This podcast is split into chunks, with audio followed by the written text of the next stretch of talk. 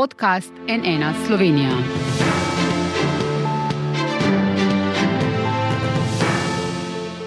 Dobr dan. S prihodom veselega decembra je tu tudi zadnje dejanje supervolilnega leta 2022. V 47 od 212 občin boste morali še to nedeljo na volišče, da izberete župana ali županjo. To velja tudi za kar za polovico, torej šest mestnih občin. Za največje presenečenje pa je vsekakor poskrbela tekma v celju, kamor je največ oči uprtih tudi zdaj v drugem krogu. Se torej lahko ponovi zgodba iz Kopra izpred štirih let, ko je moral Boris Popovič prvič po svoji prvi zmagi v drugi krok in je na koncu po pravi drami izgubil proti Alešu Bržanu, ki pa je potem letos zmagal že v prvem krogu. Pozdravljena, spoštovana kandidata za župana mestne občine Celje, gospod Bojan Šrot, župan že od leta 1998, tudi odvetnik, lepo pozdravljeni. Pozdravljeni. In izzivalec, mestni svetnik in arhitekt Matija Kovač, lepo pozdrav tudi vam. Pozdravljeni. Gospod Kovač, vaš protikandidat, aktualni župan, pravi, da je celje ena od redkih občin, ki je po koeficientu razvitosti napredovala. Da so napredovali samo tiste tri v Sloveniji, ki niso menjale župana. Zakaj bi ga torej vi zamenjali in kako to, da se vaši podatki od županovih tako razlikujejo, kot pravite, vi ima mesto razvojne probleme? Ja, jaz glede koeficienta razvitosti županu ne oporekam podatkov. Je pa kar nekaj drugih kazalnikov, ki so v zadnjih štirih letih pokazali, da imamo razvojne težave. Tu gre predvsem za težavo z odsotnostjo občinskega prostorskega načrta, ki onemogoča razvoj eh, gospodarstva in širitev seveda nekaterih eh, gradbenih eh, investicij, tako zasebnih kot, eh, kot gospodarskih. Eh, tu gre za odseljevanje, selitveni prirast med občinami, to pomeni znotraj države, je negativen v zadnjih štirih letih, če ga seštejemo, je to 1838 prebivalcev, ki smo jih sicer nadomestili s tujci, ampak to kaže, da je težava, da se določena populacija v celju ne dobiva več zaposlitev in zato išče možnosti drugi tako za zaposlitve, kot za bivanje, kjer mi vidimo predvsem težavo v mladi izobraženi generaciji, kateri se moramo v naslednjem obdobju veliko resneje posvetiti in jo pritegniti nazaj v celje. Gospod Šrot, vi pa pravite, da so čisto vsi statistični podatki za celje odlični, da je mesto v samem vrhu. Odkot torej to neujemanje in kako odgovarjate gospodu Kovaču, ki pravi, da ima mesto, slišali smo ravno kar cel kup uh, nekih razvojnih težav? No, jaz sem trdno prepričan, da mesto nima nobenih razvojnih težav in da je trenutno na enem zgodovinskem višku. Mi še nikoli nismo bili na tretjem mestu po koeficientu razvitosti med uh, slovenskimi mestnimi občinami, zgolj še tri odstotke zaostajamo za Ljubljano. E, mogoče še pojasnilo, kaj ta koeficient pomeni. Ima 11 različnih kriterijev, od dostopnosti do stanovanj, gospodarske aktivnosti, dostopnosti do komunalnih storitev in cen komunalnih storitev, pa še kaj. Ehm, v celju sam občinski prostorski načrt, nismo edina mestna občina, ki ga nima sprejetega. Kopr tudi ne. Kar nekaj še. Mi imamo še specifično težavo s poplavno varnostjo v celju. Eh, ne bo prinesel nobene revolucije in eh, celsko gospodarstvo trenutno deluje tako dobro, kot še ni nikoli. Jaz sem preveril podatke, pri eh, Zavodu za zaposlovanje. Zgolj letos do oktobra je bilo objavljenih 6000 potreb po delavcih. To je neverjeten podatek. Smo tudi eh, pri odstotku delovno, delovno aktivnega prebivalstva v eh, slovenskem vrhu nadpovprečni. Eh, govoriti, da so se zdaj eni mladi odselili, pa smo nadomestili s tujcami, govorjenje na pamet. Tega podatka eh, ni in ga ne moreš preveriti, kaj, sta, kaj ti statistika priseljevanj in odseljevanj se ne vodi po tujcih. Mi imamo konstantno število prebivalcev že 20 let, eh, tudi v tej populaciji eh, mladih od 15 do 29 let je ta številka pravzaprav konstantna in če bi zdaj statistiko interpretiral, rekel, meni všečno ali pa meni korist, bi, rekel, bi lahko, povem, lahko povem, da imamo danes oziroma na 1. julija 2022 11 prebivalcev te starostne kategorije več kot 1. januarja 2018, to je zanemarljiva številka. Eh, ta skupina se vse čas giblje na okoli 1600, zdaj imamo 6600 eh, oziroma zdaj imamo 6700. Ampak se upravičujem, ne, eh, če gledam zdaj sursove podatke glede prebivalstva v celju po letih. Leta 2008 jih je bilo starih med 20 in 39 let 14300, malo več, leta 2015 v tej isti starostni skupini 12700, 2022 pa 11060. To so, to so uh, podatki Sursa. Uh, gospod Kovač, želeli ste besedo? Ja, jaz mislim sicer, da res uh, bistveno je, da se pogovarjamo o podatkih realno in da jih uporabljamo za načrtovanje vizij prihodnosti. Ni zdaj bistveno, po katerem kriteriju se bomo kam uvrščali, ampak dajmo analizirati težave takšne, kot so. To se opaža tudi na terenu in seveda drži, da je selitveni prirast med občinami za zadnja štiri leta takšen, kot je, kar kaže na težave. Eh, glede eh, števila izdanih gradbenih dovoljenj, kjer nas tudi uvrščajo na rep med eh, občinami, na devetem mestu smo z 1,48 izdanega gradbenega dovoljenja na tisoč prebivalcev, kjer je recimo občina Novo mesto, Slovengradec, kar trikrat uspešnejša, se uvrščamo med tiste občine, ki nimajo sprejetega OPN. Tudi Maribor je nekje tam po številu izdanih gradbenih dovoljenj, tako da kaže se tu neka usporednica. Bistveno pa je, da se danes eh, teh podatkov zavemo in jih pač seveda začnemo ciljno reševati. Problem za problemom. Zdaj, tako glede občinskega prostorskega načrta, ne, kar je v bistvu vaš glavni očitek in ga vse čas kampanje ponavljate, ne samo vi, tudi drugi proti kandidati, ki so uh, izpadli v prvem krogu in pravite, da, da mestna oblast to rešuje z OPPN, torej s prostorskimi podrobnimi načrti, ki so za manjša območja. In vi ste, gospod Kovač, rekli, da so uh, ti OPPN-ji v zadnjih letih pisani predvsem na kožo manjšim investitorjem v nekih klientelističnih zgodbah. Tu vas je gospod Šrot pozval, da bodite konkretni, da so to povšalni očitki. Ste lahko torej tu konkretni, o kakšnih klientelističnih zgodbah govorite? No, glede občinskega prostorskega načrta je dejstvo, da smo v bistvu zamudili vse roke, ki so bili predpisani z zakonom uh, iz leta 2007 do 2010, bi se mogel sprejeti. Ampak pa se, danes, vprašal, uh... pa se do danes ni. Um, občinski podrobni prostorski načrti se po aktualni zakonodaji v vsakem primeru sprejemajo. Je pa res, da je celje trenutno deluje v okviru prostorskega plana, ki je bil v bistvu sprejet leta 1986, potem leta 2000 noveliran in zdaj podaljšan in dejansko zmanjkuje prostora za neke širše, eh, ši, večjo širitev. Konkretni prostorski akti, ki so se sprejemali, se danes sprejemajo na mestnem svetu redno, na vsaki seji jih je nekaj, gre pa to dejansko za posamezne parcele za hišo ali dve, kjer je vse čas eh, prisoten ta občutek nekih, eh, nekih povezav, interesov, interesov in tako naprej, uh, kar vnaša v neko lokalno politično okolje, seveda več čas en nemir in občutek uh, klientelističnega ravnanja. Občane to moti in na tak način ni, eh, ni lahko delovati, ker moraš vedno biti na preži glede eh, takih eh, očitkov. Ampak imate kakšen konkreten primer, ste arhitekt, verjetno to podrobno spremljate, spremljate te stvari? Ja, ravno nedavno je bil en tak odmeven primer v Novi Vasi eh, ob osnovni šoli Frana Roša, kjer je ena parcela, ki ni bila z dolgoročnim prostorskim planom predvidena za eh, pozidavo oziroma ni bila urbanistično rešena, zelo strma, eh, težavna in dolga leta stala nepozidana, ker je tudi težko pozidati. V tem času se je eh, pojavil eh, občinski podrobni prostorski načrt, ki ga je mestni svet kljub res širokemu nasprotovanju eh, lokalne javnosti, mestne četrti, stanovalcev, sosedov eh, sprejel. Mi smo temu seveda takrat nasprotovali, pa potem, ko so vse sosedi organizirali eh, in zbrali podpise za razpis referenduma, ta isti mestni svet na pobudo župana tudi omaknil. To so take zgodbe, ki niso, ki niso v prid oziroma ne, ne kažejo dobre slike o delovanju lokalne samouprave z vidika zaupanja občanov. Gospod Šrot? No, te trditve ne držijo. Pa če se ustavim kar na zadnjem primeru, na tem območju so tri zazidljive parcele, ki niso bile pokrite z podrobnim prostorskim načrtom. Paradoks je ena, ena parcela vlasti občine, dve v lasti staroseljcev, če tako rečem, tistih, ki so vsem sosedom prodali zemljišče v okolici in se, seveda sosedi zdaj nasprotujejo, tam eh, bi oni imeli še naprej nepozidano. Zelo veliko se je manipuliralo pri, tej, eh, pri tem podrobnem prostorskem načrtu in uh, moram reči tudi z lažmi, da bomo posegali na gozdiček, ki je tam pri šoli, akt sploh ni posegal tam v tisto območje.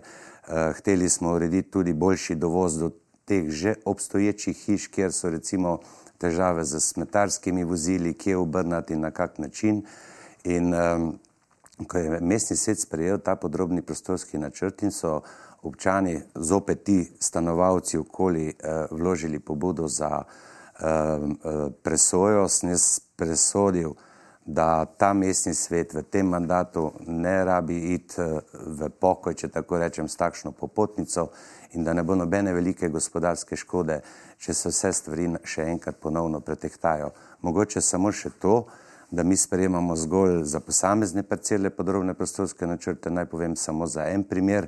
To je primer na Babnem, kjer smo uredili za podrobnim prostorskim načrtom eno veliko območje za stanovanjsko gradno, od vila blokov do individualnih hiš, in da bo tudi po sprejeto občinskega prostorskega načrta potrebno te podrobne prostorske načrte sprejemati tudi v prihodnje. Zelo majhen del graden bo možnih brez tega.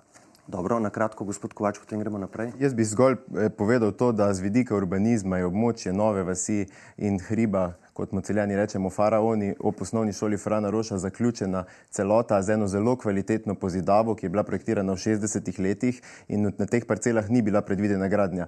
Tam je iztek parkovne površine, ki jo uporablja osnovna šola in pomeni tudi en krasen razgled na veduto celja in seveda tak poseg bi bistveno okrnil te prostorske kvalitete, ki so tam dane. Občina in njene strokovne službe so tu, da ščitijo širši javni interes na področju grajenega prostora prostora in seveda um, taki posegi, uh, ki so kljub javnemu in glasnemu nasprotovanju javnosti sprejeti, uh, niso v ponos občinskemu svetu. Bomo šli tu uh, naprej. Sam, če lahko dodam en stavek, prosim. Ja. Da to ne drži, ne? ker osnovna šola, ki je tam, to je osnovna šola Frana Roša, je šola z mogoče največ zelenimi površinami v okolici. Eh, svoji okolici in ta podrobni prostorski načrt ničemu ni posegal v njihove zelene površine. Bomo šli tu uh, naprej. Vprašanje za vas, gospod Šrot. Boste tudi v tem mandatu, če boste izvoljeni, bo to, sedmi, bo to vaš sedmi mandat, boste funkcijo upravljali prav tako nepoklicno, kot je že od leta 2006? Bo torej še naprej vaša glavna dejavnost, vsaj na papirju, odvetniška pisarna? Um, ne drži ta trditev, da je to moja glavna dejavnost. Na papirju pravim, ne, ker ste nepoklicni ja, župan. Jaz uh, bom tudi v naslednji mandat upravljal nepoklicno, Dobro. a zelo profesionalno. Povem pa, da je to v bistvu moj način življenja. Županska funkcija ni omejena na 8 ur. Jaz tudi, ko grem uh, vem, v partnerska mesta ali pa ko grem na dopust kamorkoli, me poti vodijo, vedno gledam na mesta z drugačnimi očmi kot običajen turist. Uh, šel sem letos tudi na Evropsko prvenstvo v Košarki v Nemčiji in slikam, običajno ljudje slikajo lepe zgradbe, jaz pa slikam smeti oziroma koške za smeti, klopce. Um, to je pač način mojega življenja in sem predan tej funkciji 24 ur na dan. Vi pa takšen način življenja, gospod Kovač, vidite kot torej, to nepoklicno županovanje gospoda Šrota kot norčevanje izvoljivcev. Zakaj?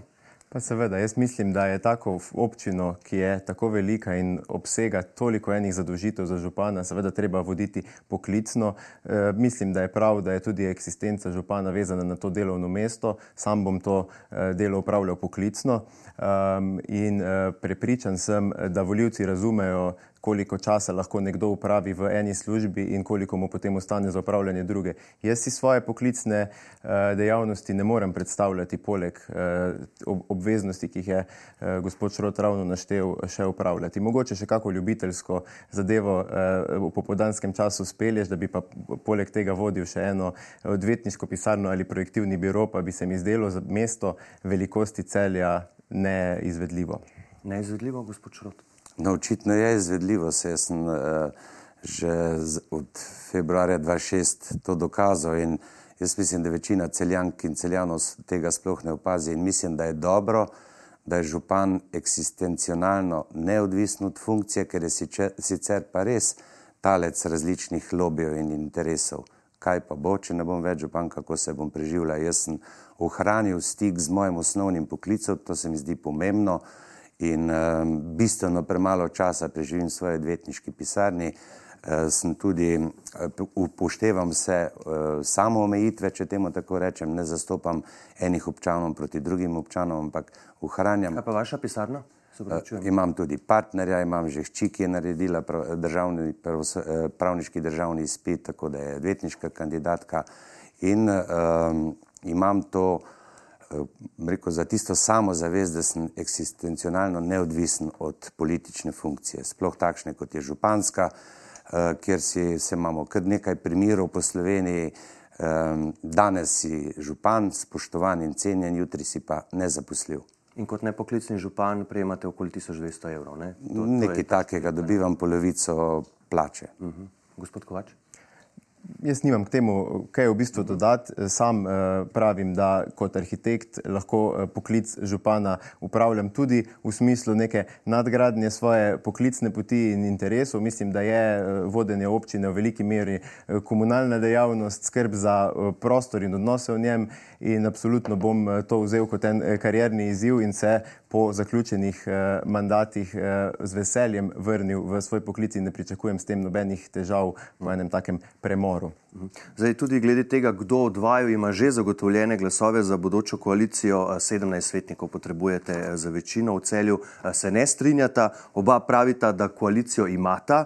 Kdo vam torej zagotavlja 17 glasov, gospod Kovač, če jih imate, ali bo to manjšinska koalicija, jo boste formalno sploh, sploh imeli? Ne? Gospod Šrot pravi, da je imel v vseh teh letih od 98 naprej bolj ali manj neformalne, če sploh. Jaz tu mislim, da ima gospod Šrot eh, zelo dober pristop k vodenju občinske politike, da se ni formirala neka formalna zapisana uh, koalicija, kar daje tudi možnosti za en širši dialog in veliko manj konfliktne situacije pri reševanju uh, vprašanj.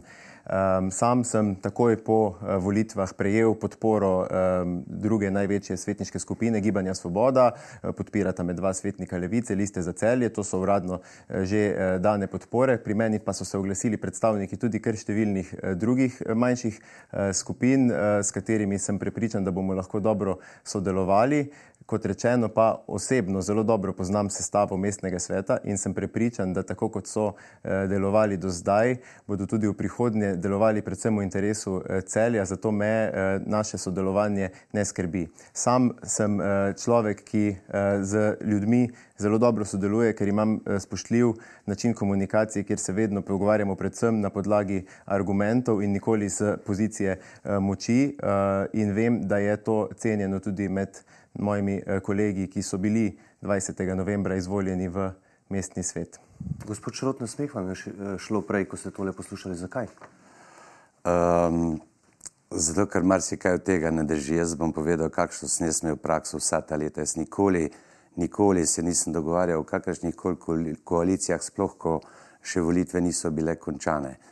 Uh, jaz se tudi nikoli nisem skrival za nestrankarsko kandidaturo, kot se Eh, kolega Kovač, ki je kandidat levice. Eh, to, to v celju ne vedo vsi in eh, ne na zadnje bil dva mandata svetnik levice. Sam je napisal na Facebook, da je, bil, da je prvi socialistični svetnik, opozicijski v mestnem svetu. Um, vem tudi, kako so potekala, vsaj za zadnjih teh osem let, druženja in neformalni pogovori s svetniki. Svetniki se pogosto po vsej mestnega sveta še dobijo v stranski dvorani Narodnega doma in se kaj pogovorijo ali ne. Um, jaz mislim, da, da je v tem trenutku popolnoma nesmiselno in tudi neracionalno že vnaprej sklepati neke uh, koalicije, še celo si deliti različne funkcije in uh, delovna mesta, kot slišim, da je že razdeljeno, kdo bo vodil energetiko in simbijo, kdo bo direktor občinske uprave in eh, podobne stvari. To je pa, To je pa potem res um, neka delitev političnega plena na različne interesne sfere. Če je to povezovalno, potem se jaz od te lokalne politike z lahkoto odstranim. Če lahko kar odgovorite direktno na to, gospod Kovač, delitev plena že zdaj uh, drži to, kar pravi gospod Šrot? Meni se zdi izjemno podcenujoče do mene, da si uh, kolega kandidat privošči govoriti v mojem imenu in o tem, kaj jaz razmišljam. Nikakor se nikoli z nikomer nismo pogovarjali o nobenih planih, kaj bo po volitvah. Uh, mi delujemo kot močna ekipa, ki vodi naš eh, volilni štab in je sestavljena iz celjanov različnih profilov, od kulture, športa, gospodarstva in delamo zdaj trenutno predvsem na komunikaciji z občani, da jih prepričamo o tem, da je naša vizija razvoja mesta prava. Ves čas sem z voljivci komuniciral odkrito, javno znano je, da sem svetnik levice dva mandata, za to obdobje sem neizmerno hvaležen, tu sem pridobil ogromno izkušenj in znanja, ko pa smo se letos lotili zgodbe kandidature za župana mestne občine Celje, sem rekel, da bi to želel storiti za ljudmi, s katerimi sicer delujem na področju kulture v celju, znanimi in prepoznavnimi osebami, ki jih tako strokovno kot osebno spoštujem. In na tak način smo se lotili kampanje, ki je bila med več kot 5000 celjani v prvem krogu tudi prepoznana kot dobra. O tem, da slišim po mestu razne insinuacije o tem, na kak način bomo sestavili občinsko upravo, jaz ne vem ničesar. Lahko povem, da trenutno uh, sodelujem uh, predvsem z uh, potrečeno štabom, ki ga vodi moj uh, uh, življenjski mentor in prvo podpisani predlagatelj uh, Gregor Deleja. Ja, tu bi jaz samo še dodal, če, uh, kar se vas tiče, gospod Kovač, če boste dobili uh, na koncu torej podporo in seveda zmagali, Gibanja Svoboda ima osem svetnikov, Levica in Vesna dva, lista za celje enega, če vas bo podporil tudi SD, so to dodatni tri, ne to skupaj 14, še trije vam v tem primeru manjkajo do, do večine 17 glasov. V mestnem svetu, glede na to, da sta že nekako strankarsko že, bom rekel, načela te stvari, oba imata izrazito strankarsko preteklost. Gospod Šrot, vi ste bili petkrat izvoljeni kot županski kandidat SLS, vmes ste bili celo predsednik te stranke. Gospod Kovač, vi pa ste bili zraven, ko levica s tem imenom še niti ni obstajala ko je bila v bistvu to inicijativa za demokratični socializem kot del takratne Združene levice leta 2014. Povedal vam je gospod Šrot, da ste zapisali, da ste prvi socialistični opozicijski uh, mestni uh, svetnik, zdaj pa kot član levice, ker ste še vedno kandidira, kandidirate kot neodvisni kandidat. Človek bi se kar malo spomnil na nedavne predsedniške uh, uh, volitve. Zakaj vi menite, gospod Šrot, da, da gospod Kovač skriva svoje poreklo? Po čem to uh, nekako sklepate? No, jaz bi najprej rad eh, repliciral Matiji, ki je rekel, da govorim, kaj on misli, jaz tega ne vem. Eh, povedal sem, kakšne govorice jaz slišim po mestu. Verjemite mi pa, da imam zelo širok krok ljudi, ki pridejo z različnimi informacijami do mene, tudi iz vašega tabora. Uh, jaz mislim, da je takšna neiskrenost malce podcenjujoča uh, do voljivcev in da je v bistvu zavajujoča. Eh, verjetno se Matija Kovač, vse tako sem zdaj tudi slišal, svojega, eh, svoje politične zgodovine eh, ne sramuje in ne vem, zakaj ne bi odkrito povedal. Je, jaz sem tudi gledal tisti filmček, ki ste ga posneli z Miho Kordišem, mislim, da v mestnem parku, tam nekje maja, ker ste rekli, da boste vsak na svoj način vodila volilno kampanjo, on za predsednika, vi pa očitno za župana, kar ni bilo eksplicitno rečeno. In sem pravzaprav šele na začetku te kampanje eh, ugotovil, kaj ste mislili na svoj način. Da se pač zamaskirate, da ste neodvisni kandidat. To pa je nekorektno, da celjank in celjanom povejte, kaj ste in kandidirajte svojo sebino, programom, svojim krogom, ekipo in tako naprej.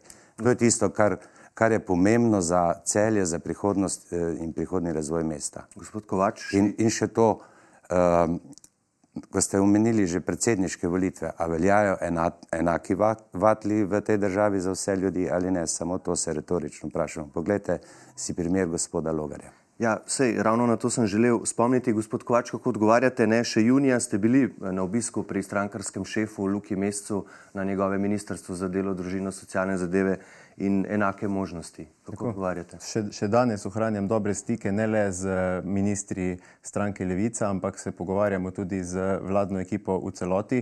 Nekaj nujnih razvojnih projektov bomo morali peljati v tesnem sodelovanju z vlado, pri čemer eh, sem vesel, da te kontakte imam in da so se pripravljeni še v času kampanje seveda pogovarjati o vsebinah, ki jih celje eh, potrebuje. Meni se zdi odnos eh, gospoda Šrota nekorekten, jaz eh, njega nikakor eh, ne napadam, ne operiram z govoricami in delam predvsem na vsebinah, ki jih prinašam sam in s katerimi smo se mi ukvarjali. Še enkrat povem, nikoli nisem ničesar skrival, mi smo kampanjo najavili v avgustu, še v času, ko sem bil občinski svetnik in sem to funkcijo tudi nadaljeval do zdaj, do volitev.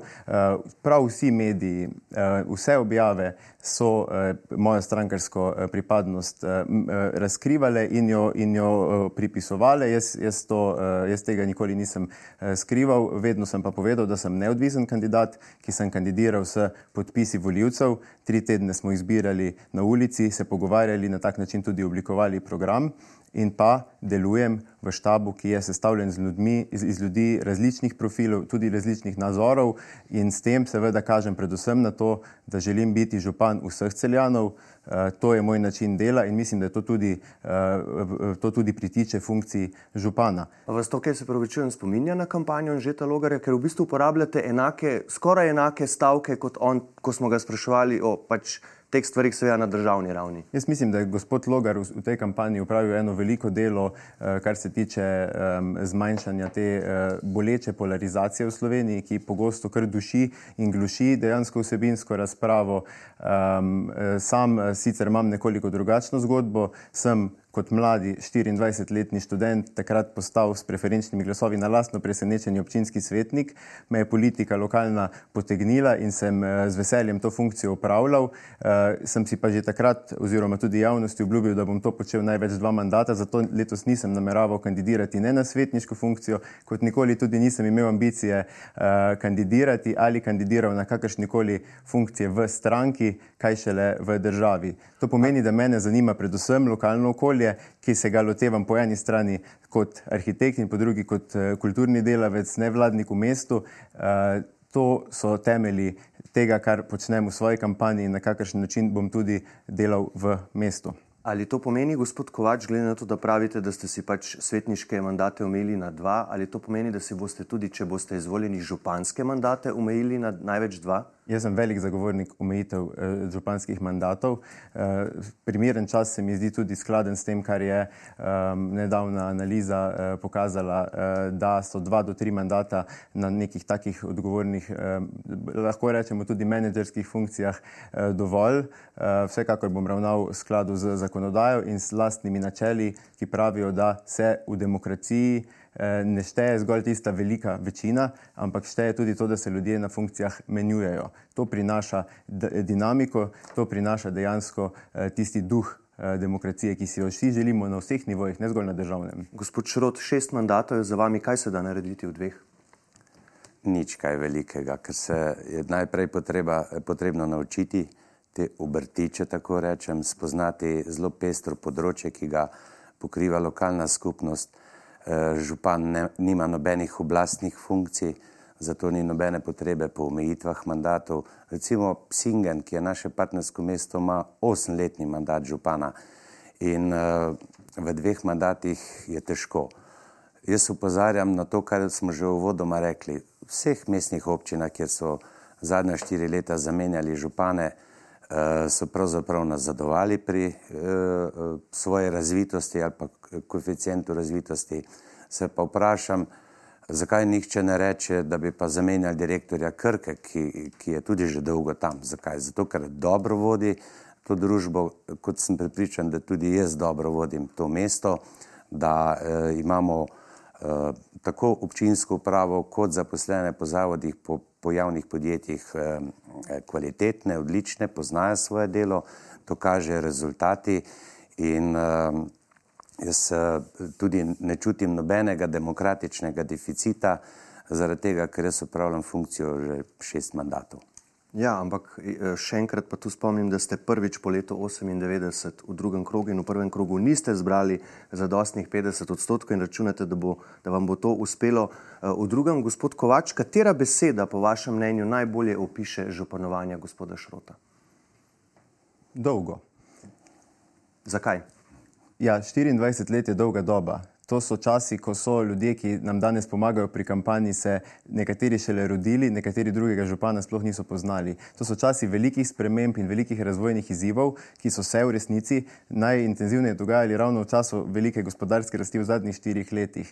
Celjani uh, se zavedajo, da je atmosfera v mestu v tem času nekoliko zaspala, da mesto ne sledi uh, razvojnim trendom, da, se, da počutje tu uh, ni uh, tako, kot bi bili v mestu, ki zmaguje in si želijo te spremembe. To so pokazali v prvem krogu uh, volitev in pripričan sem, da bodo to odločitev ponesli uh, tudi v uh, drugem krogu. Mislim, da so ljudje tisti, ki odločajo o tem, uh, kdaj je uh, dovolj, ampak iz vseh pogovorov, ki smo jih upravili v zadnjih tednih, v vseh 19 mestnih četrteh in krajevnih skupnostih in na ulici, si ljudje želijo svežine, spremembe in drugačne vizije.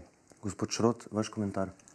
Pa spremembe so del našega vsakdana. Jaz uh, pravim, da tudi vse spremembe niso nujno na, na boljše. Poglejte, spremembe cen energentov, kaj so prinesle, na slabše. In uh, celje se pravzaprav te 24 let kasneje župan spreminja na boljše. Danes ima bistveno drugačno podobo, kot je imelo takrat, ko sem jaz prišel. In um, teh dejstev, ki jih kaže rezultati, ki so kvantitativni, ki so merljivi, nihče ne more uporekati. Je pa udeležba, se upravičujem, v prvem krogu sicer bila povsod po Sloveniji nizka, ampak v celju pa izrazito nizka, 41 odstotkov in pol. Gospod Šrot, s katero besedo bi pa vi upisali svojega protikandidata, gospoda Kovača, kaj bi celja, eh, celjanke in celjani dobili z njim? No, dobili bi mladega župana. Če je to torej, tisto, kar si želijo. Torej mladost je, tako... je, je očitno uh, ta vaša beseda. Gospod Kovač, vi torej računate, v sklepnem delu smo, uh, vi računate na scenarij iz Kopra pred štirimi leti, ko je Alež Bržan v drugem krogu dobil večino voljivcev proti kandidatov, ki so izpadli v prvem krogu in je na koncu torej zmagal z glasovi proti Borisu Popoviču. Računate torej na ta scenarij? Jaz uh, ne računam na noben drug scenarij kot to, da verjamem, da se bodo celjanke in celjani udeležili v večjem številu volitev, da bodo povedali, uh, kaj je njihova preferenca, da bodo izbrali opcijo, ki deluje sodobno, pozitivno, brez starih zamer in brez odpiranja um, tematik, ki niso več relevantne.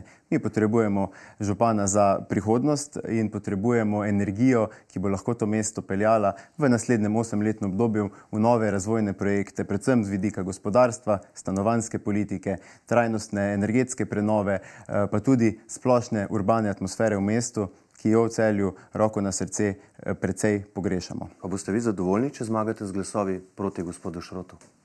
Uh, jaz te, te analize pred volitvami nikakor ne bom upravljal, lahko pa povem, da so v prvem krogu eh, večina uh, kandidatov, ki niso Bojan Šrot, dobila pač več kot 50% glasov. Mi uh, smo se um, z nekaterimi izmed teh kandidatov v drugem krogu tudi povezali in mi pomagajo svojo podporo v tej kampanji, tako da vidim to predvsem kot podporo meni in moji viziji. Gospod Šrot, zakaj torej pravite, pri koncu smo, da v celju po 24 letih vašega županovanja še ni čas za spremembe na vrhu?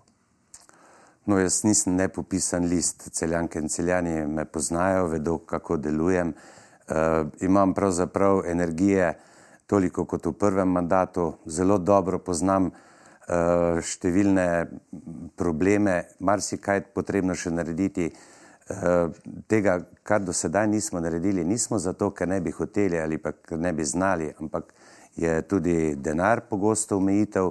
Mislim, da je v mestu dobra klima, imamo čudovito urejeno mesto, odlično delujoče gospodarstvo, imamo največ javnih stanovanj na prebivalca Sloveniji, razvijamo terciarno izobraževanje. Eh, v letošnjem letu se 2145 študentov eh, študira v celju imamo največ športnih površin na prebivalca, eh, ogromno zelenih površin v neposrednji bližini mesta in eh, mesto bomo s tako dinamiko, kot smo do zdaj razvijali tudi v prihodnje.